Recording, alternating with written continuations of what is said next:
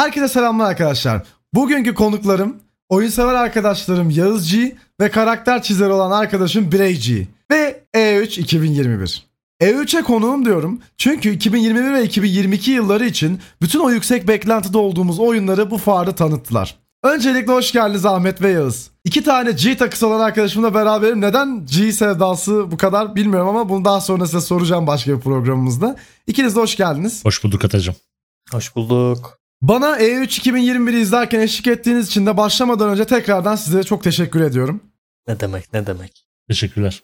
Bu E3'teki en önemli noktaları canlı olarak izlerken sizler için notlar aldım. Aynı zamanda size yönelteceğim sorular da var. Hem izleyicilerimize hem de bugünkü konuklarıma.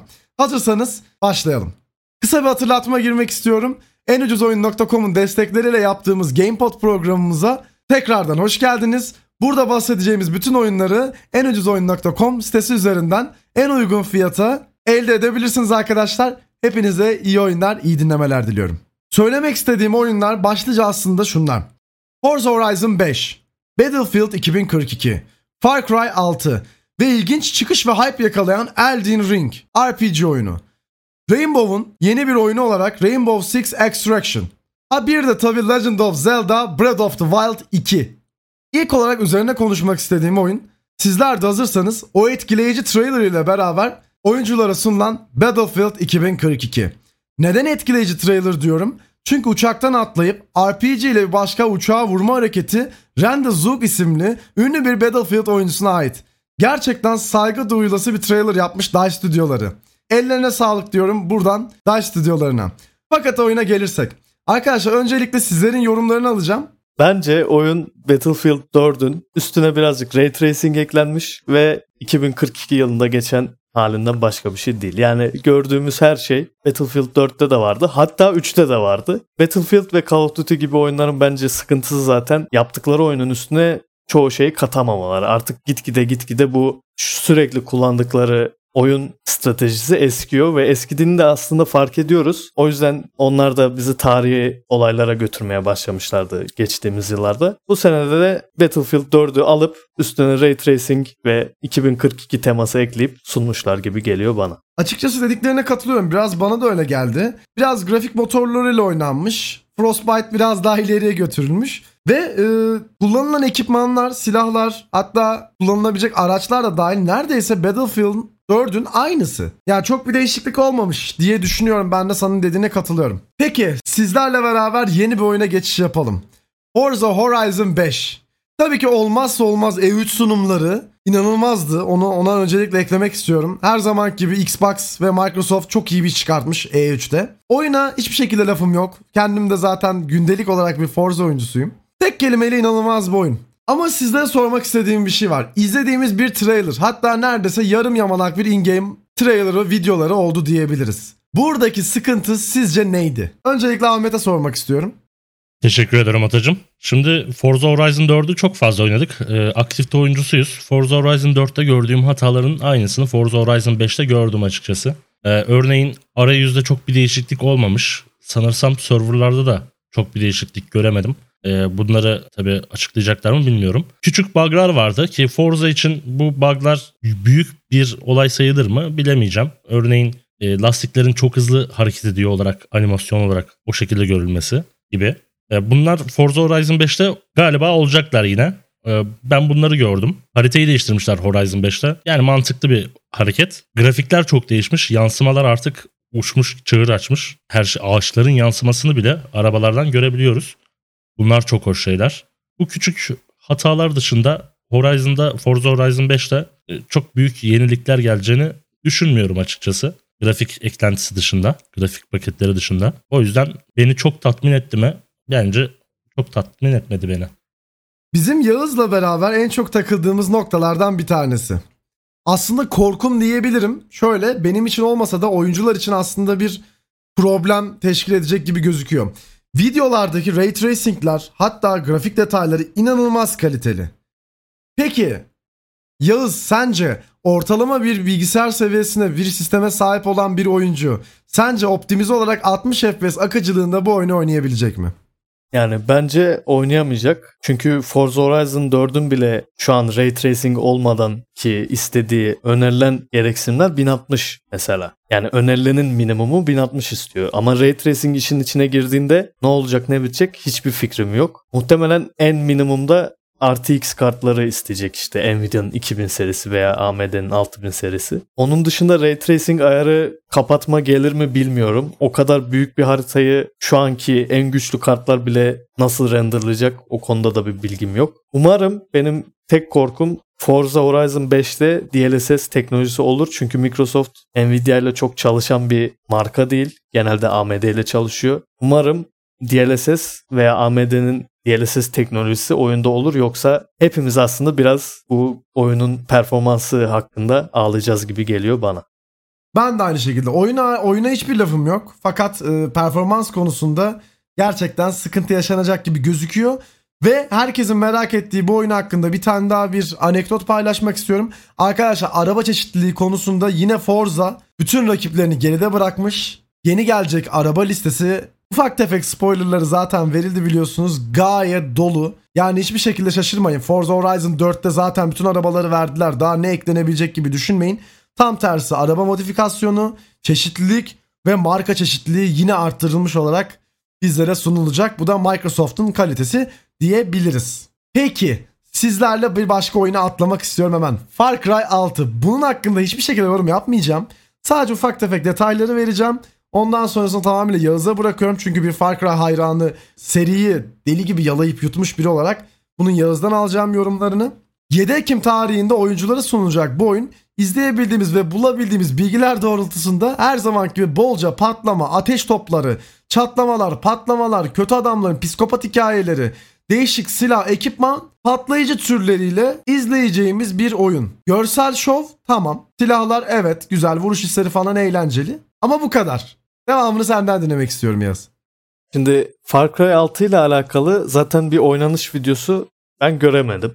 İlk benim şeyim o. Ama Far Cry'dan da çok bir e, yenilik, çok bir üstüne eklenmiş bir şey beklemiyorum. Şu anda Far Cry 3'ten beri gelen bu e, oyunun mekaniğini şu ana kadar devam ettirdiler. Sadece Far Cry 5'in New Dawn diye bir aslında DLC ama yeni oyun diye çıkarttıkları o oyunda onu da Assassin's Creed gibi RPG'ye çevirdiler. Bence oynanış olarak hiçbir şey değişmeyecek. Yani yine silahlarla tık tık tık tık vurduğumuz ve aynı outpost olayı olduğu, kuleleri çıktığımız, temizlediğimiz bir oyun olacak. Fakat benim asıl ilgimi çeken şey Far Cry 6'nın ne hikayesi ne karakterleri hiçbir şey ilgimi çekmiyor. Çünkü yine Far Cry 3'ten beri kötü adamlar hep psikopat, ana karakter hep durgun. Yani bu strateji üzerine, bu konsept üzerine gidiyorlar. Far Cry 3'te, 4'te, 5'te hepsinde böyleydi.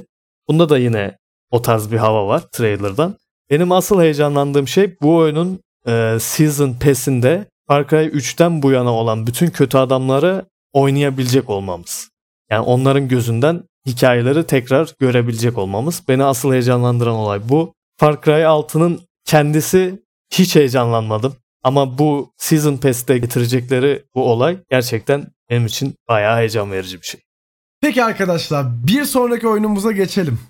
Yani ne konuşacağız bu oyun hakkında çok bilmiyorum. Çünkü belki trailerlarını E3'teki canlı yayını siz de izlemişsinizdir ama ya çok söylenecek bir şey yok. Rainbow Six Extraction. Yani Rainbow Six Siege'in zombi ve yaratıkları vurmalı bir co-op oyunu gibi geliyor bana. Yani umarım sizlere yeterli bir açıklama olmuştur. Çünkü gerçekten başka söyleyebileceğim pek bir şey yok. Ahmet eklemek istediğin bir şey var mı? Evet var. Çünkü benim e, bu konu hakkında bildiğim çok fazla şey var. Ve bu bilgilerimi hemen burada söylemek istiyorum Ata. Tabii ki de buyurun. Teşekkür ediyorum. Şimdi e, Rainbow Six Siege çıktığı zaman belli bir hikayesi vardı zaten Atacığım. Biliyoruz bu durumu. Fakat 2018 yılında bizim e, operatör haritamıza iki tane operatör eklendi. Bunlar Finca ile Line. Biliyorsunuz zaten sizde. E, Finca bir atak operatörü. Line de bir atak operatörü. Çok özür diliyorum. Şimdi bu e, karakter her bir karakter geldiği zaman bir hikaye ile geliyor oyuna. Ve bu Finca ile Line'ın hikayesi de Chimera diye bir virüse dayanıyor. E, bu Chimera virüsü bildiğin e, post apokaliptik bir dünyanın e, Rainbow'a uyarlanmış versiyonu. Bu e, bahsettiğim şeyin tarihi 2018. Mart 2018'de e, bu eklentiyi getirdiler oyuna ve bir, bir aylık bir e, PvE oyun PvE eventi çıkarttılar. Chimera virüsüyle dünyayı, Rainbow dünyasını e, zombiler basıyordu. Belli çeşitli zombiler vardı. Tabi biz buna zombi diyoruz ama tam olarak e, zombi diyebileceğimiz tipler mi bilmiyorum. Çünkü çok farklı bir yapısı vardı kendilerinin. Bildiğimiz zombi tipine uyan e, tiplemeler değildi. E, sanırsam bu Extraction'da da e, bu hikayenin devamı olarak getiriyorlar oyunu.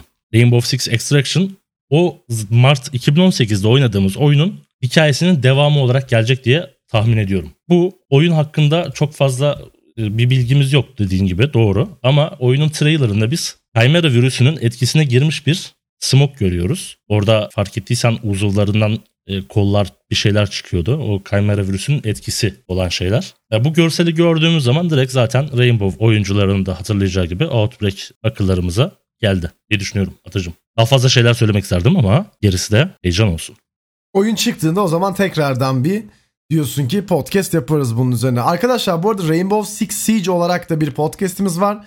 Onu da dinlemek için Spotify'dan veya YouTube'dan bizlere ulaşabilirsiniz. Bunları biliyorsunuz diye düşünüyorum. Orada daha detaylı bilgiler Rainbow Six Siege olarak elde edebilirsiniz. Peki benim çok uzun zamandır aslında takip ettiğim fakat son bir senedir herkesin aslında duymuş olduğu ve kimsenin birbirine böyle bir oyun varmış diye söylemediği bir RPG oyunu. Elden Ring. Görsel olarak aslında tatmin edici dursa da çok fazla detay oyunla ilgili yine E3'te de verilmedi. Yani bir video var evet trailer var ama hikayeyle ilgili bir detay yok veya oynanış ile ilgili bir detay yok. Fakat görsel olarak evet oyun güzel, tatmin edici gibi duruyor. En azından beklediğimiz bir Witcher, Skyrim gibi geniş dünya ve etkileşim bol bir oyun olabilecek gibi duruyor diyebiliriz. Uzun zamandır da biliyorsunuz böyle bir oyun zaten çıkmadı RPG bakımında. Böyle etkileşime geçebileceğiniz silah veya item yani ürün çeşitliliğinin bol olduğu bir oyun epeydir gelmemişti. Umarım oyuncular için güzel bir RPG deneyimi olur Elden Ring ile beraber diyerek Elden Ring'i tekrardan raflara kaldırıyorum. Ve sizlerle konuşmak istediğim son oyunum arkadaşlar. The Legend of Zelda Breath of Wild 2. Yeni Zelda diyebiliriz. Bilgiler sizde. Tekrardan sevdiğimiz low poly çizimlerini uygulamışlar zaten trailerda da gördüğümüz gibi. Aksiyon biraz artmış gibi gözüküyor. Onun haricinde açık dünya haritası yine tekrardan geniş gibi. Devamındaki sözü öncelikle Ahmet'e bırakmak istiyorum. Teşekkür ediyorum Atacığım. Şimdi Legend of Zelda Breath of the Wild'ın ilk bölümünde biz yine her zaman gibi e, Ganon kardeşimizle mücadele ediyorduk. Fakat e, oyun sonunda oyunu oynamamış olanlara spoiler olmasın. E, oyun sonunda tam olarak e, bitirmiş sayılmayız aslında e, Ganon'la olan hikayemizi. Zaten Ganon da kendisi ölümsüz bir karakter olduğu için bu hikaye daha uzun bir süre bitmez. Benim anladığım kadarıyla Breath of the Wild bizim oradaki savaşımızın hemen ardında geçiyor ve e, oyunu oynayanlar bilecektir, hatırlayacaktır. E, bir yerde Ganon'la savaşmaya gitmeden önce bir kişiyle tanışıyorduk ve o kişi bize nasihatler veriyordu. E, bu da gökyüzündeki bir bölgede yapılıyordu. E, işte bu Breath of the Wild 2 de sanırsam o kişinin VR'ında geçecek bir hikaye gibi gözüküyor. E, yine spoiler vermemeye çalıştığım için e, isimleri söylemiyorum tabii. Teşekkür ediyorum bu e, ince düşüncemden dolayı. Valla e, açıkçası heyecanla bekliyoruz Atacım. Ganon'la olan hikayemiz bizim bence de zaten yarım kalmıştı. E, bir an önce çıksa da saatlerimizi gömsek diye beklemekteyim. Peki Ahmetciğim verdiğin bilgi için teşekkür ederim. Yağız eklemek istediğin bir şey var mı Zelda ile alakalı? Ya ben sadece teknik olarak ekleme yapabilirim. Çünkü Breath of the Wild Hı hı. Yani Zelda genel olarak Nintendo konsollarının satmasını sağlayan oyun olarak. Wii U'yu öyle sattılar, Nintendo Switch'i öyle sattılar. Bu ikinci oyun bana e, aynı ismi taşımasından da kaynaklı olarak sanki e, o konsolun satışının birazcık daha arttırılmasını istedikleri için e, yapıyorlarmış gibi geldi. Çünkü her Zelda oyunun mesela oyun isimleri farklıdır genelde. Ve hani aynı yerde geçiyor, aynı konsola çıkacak falan. Ba- beni sadece bu e, tilt etti diyeyim. Ve ikinci bir şey grafiksel olarak veya performans olarak birinci oyunun üstüne hiçbir şey görmeyeceğiz. Çünkü çıktığı konsol aynı ve o konsol bir tablet gücünde. O yüzden grafik olarak, fizik olarak, performans olarak hiçbir şey üstüne beklemeyin. Fizikleri zaten iyiydi. Aynı kalır büyük ihtimalle. Ama onun dışında hani teknik açıdan bu oyunda daha fazlasını beklemeyin. Hikaye olarak daha fazlasını bekleyebilirsiniz tabii ki. Yani Nintendo'nun bir oyununun böyle hikaye konusunda fiyasko olacağını ben düşünmüyorum. Benim eklemek istediğim bir şey var Atacığım. Tabii ki.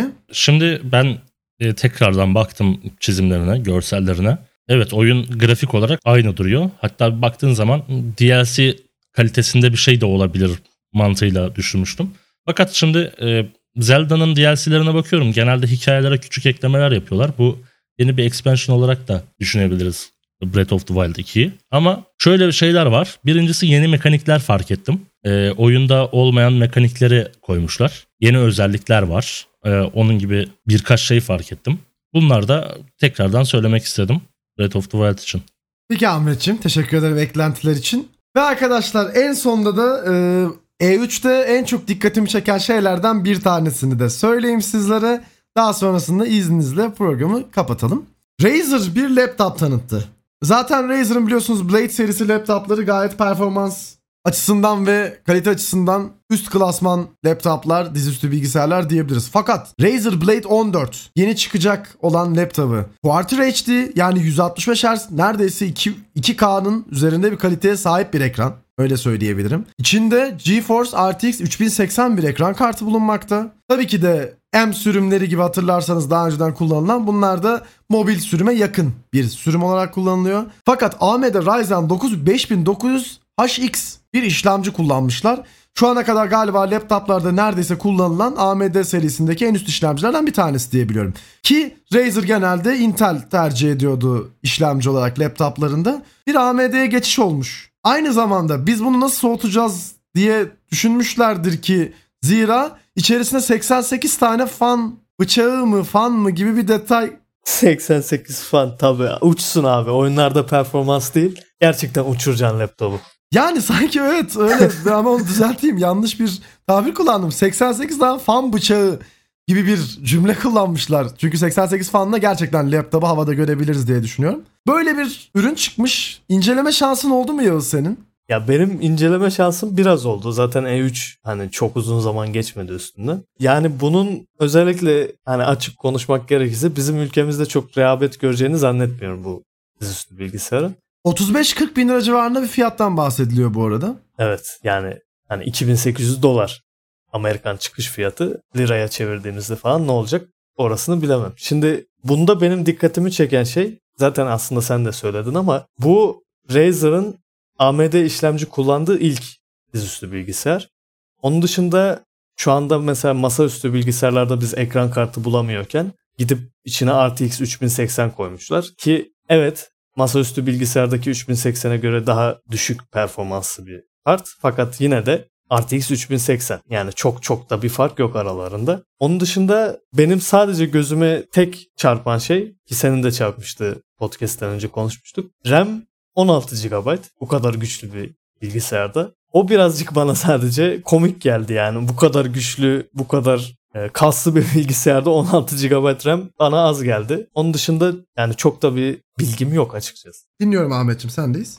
Bilgisayarın Pro versiyonunda 32 GB ve şey var 3060'lı ve 3070'li serileri de var. Ee, 3070'li ve 3060'lı serilerinde 16 GB olarak geçiyor. 3080'li serisi yine 32 GB'lık bir şey. Öyle mi? 16 diye gördük biz ama. Ee, yok biraz önce kontrol ettim baktım ee, aynı şekilde Ot- 32 şey de var.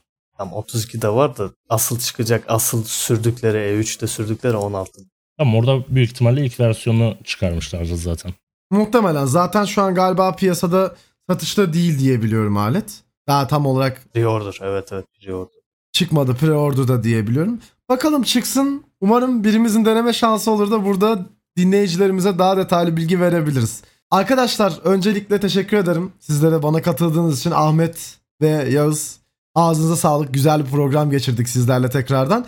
Bu E3 peki genel oylama olarak size soracağım. Sizce bu E3 oldu mu olmadı mı? Tatmin etti mi size etmedi mi? Öncelikle Ahmet'ten alacağım. Yani E3'ün eski tadı yok aslında Atacım. Çünkü biliyorsun pandemi dönemi e, şey eski heyecan, eski böyle vurgu şeyi yok açıkçası. Bir ikincisi Sahne şovları. sahne şovları aynen.